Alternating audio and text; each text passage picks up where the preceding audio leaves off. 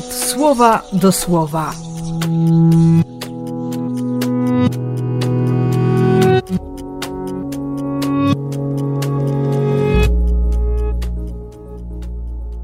Dwunasty sierpnia, sobota.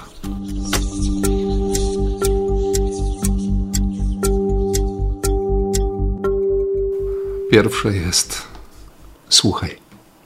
Słuchaj, a będziesz kochał. Nauczysz się kochać. To słowo jest obietnicą. To jest zaproszenie, to jest, to jest tęsknota. Nie? Serce Boga tęskni. Bóg chce być wysłuchany. Na tym polega miłość. Wtedy będę kochał. Nie powodowany jakimś obowiązkiem, przymuszony majestatem Boga, czy drżący przed konsekwencjami wyboru jakiejkolwiek e, alternatywy.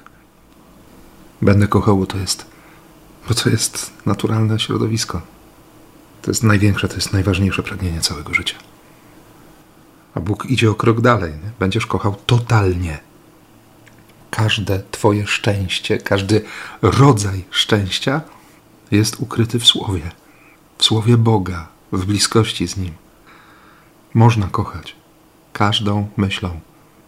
Można nawet, będąc w samym środku burzy, tornada, huraganu, złożonego z emocji, z uczuć, można kochać. Nawet ten majątek, zdobyty ciężką pracą albo zaradnością, a może jednym i drugim. To też może być znak miłosnej relacji z Bogiem w tym też mogę kochać. Nie? Tym, co mam, mogę kochać. Nic nie jest niemożliwe. Więc aż by się chciało powiedzieć za świętym Augustynem: kochaj i rób co chcesz. Dlatego tak bardzo potrzeba, potrzeba tej relacji miłości, tego światła. Nie? Dopiero co Jezus był na górze przemienienia, ogarnięty ogniem wszystko sobie wyjaśniał z ojcem. Ojciec mu wszystko wyjaśniał. Schodzi na dół i jest ojciec i syn, tylko w ciemności. Chory na chorobę księżycową, spętany. Dlaczego my nie mogliśmy usunąć tego ducha?